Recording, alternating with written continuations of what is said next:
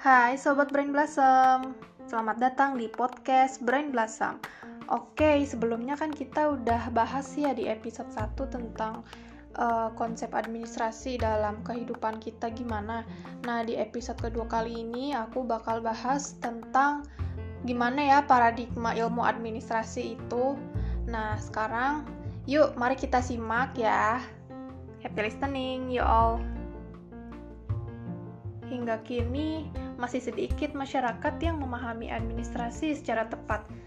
Hmm, tampaknya kesulitan menanamkan pengertian administrasi kepada masyarakat kita boleh jadi disebabkan oleh rancunya pengertian mengenai administrasi yang sudah terlanjur tersosialisasi.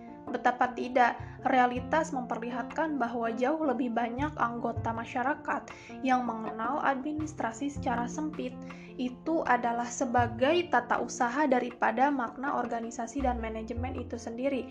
Padahal kan administrasi itu mencakup interaksi sosial manusia itu sendiri loh. Nah, sejak dulu administrasi padahal sudah dipahami dalam makna yang luas. Oke, sekarang mari yuk kita mengulik gimana sih perjalanan ilmu administrasi ini uh, dari fase awal sampai fase modern seperti sekarang ini.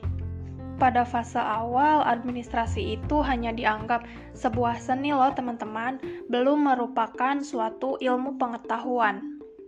Yaitu di mana ilmu administrasi ini dianggap sebuah seni, praktik-praktik administrasi, dan pra-manajemen ilmiah. Lalu di fase setelah seni ada namanya fase klasik.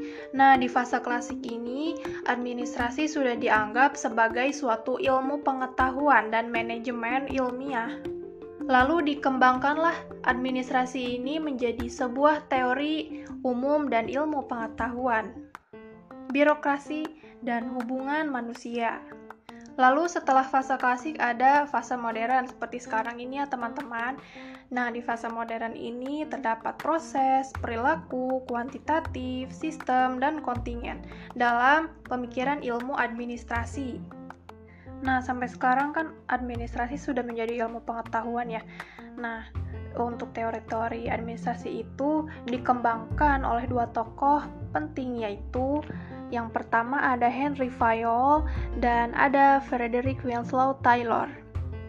Oke, kita pindah kepada sistem berpikir dalam ilmu administrasi, yaitu menyadari bahwa segala sesuatu berinteraksi dengan perkara lain di sekelilingnya, meskipun secara formal prosedural mungkin tidak terkait langsung atau secara spasial berada di luar lingkungan tertentu.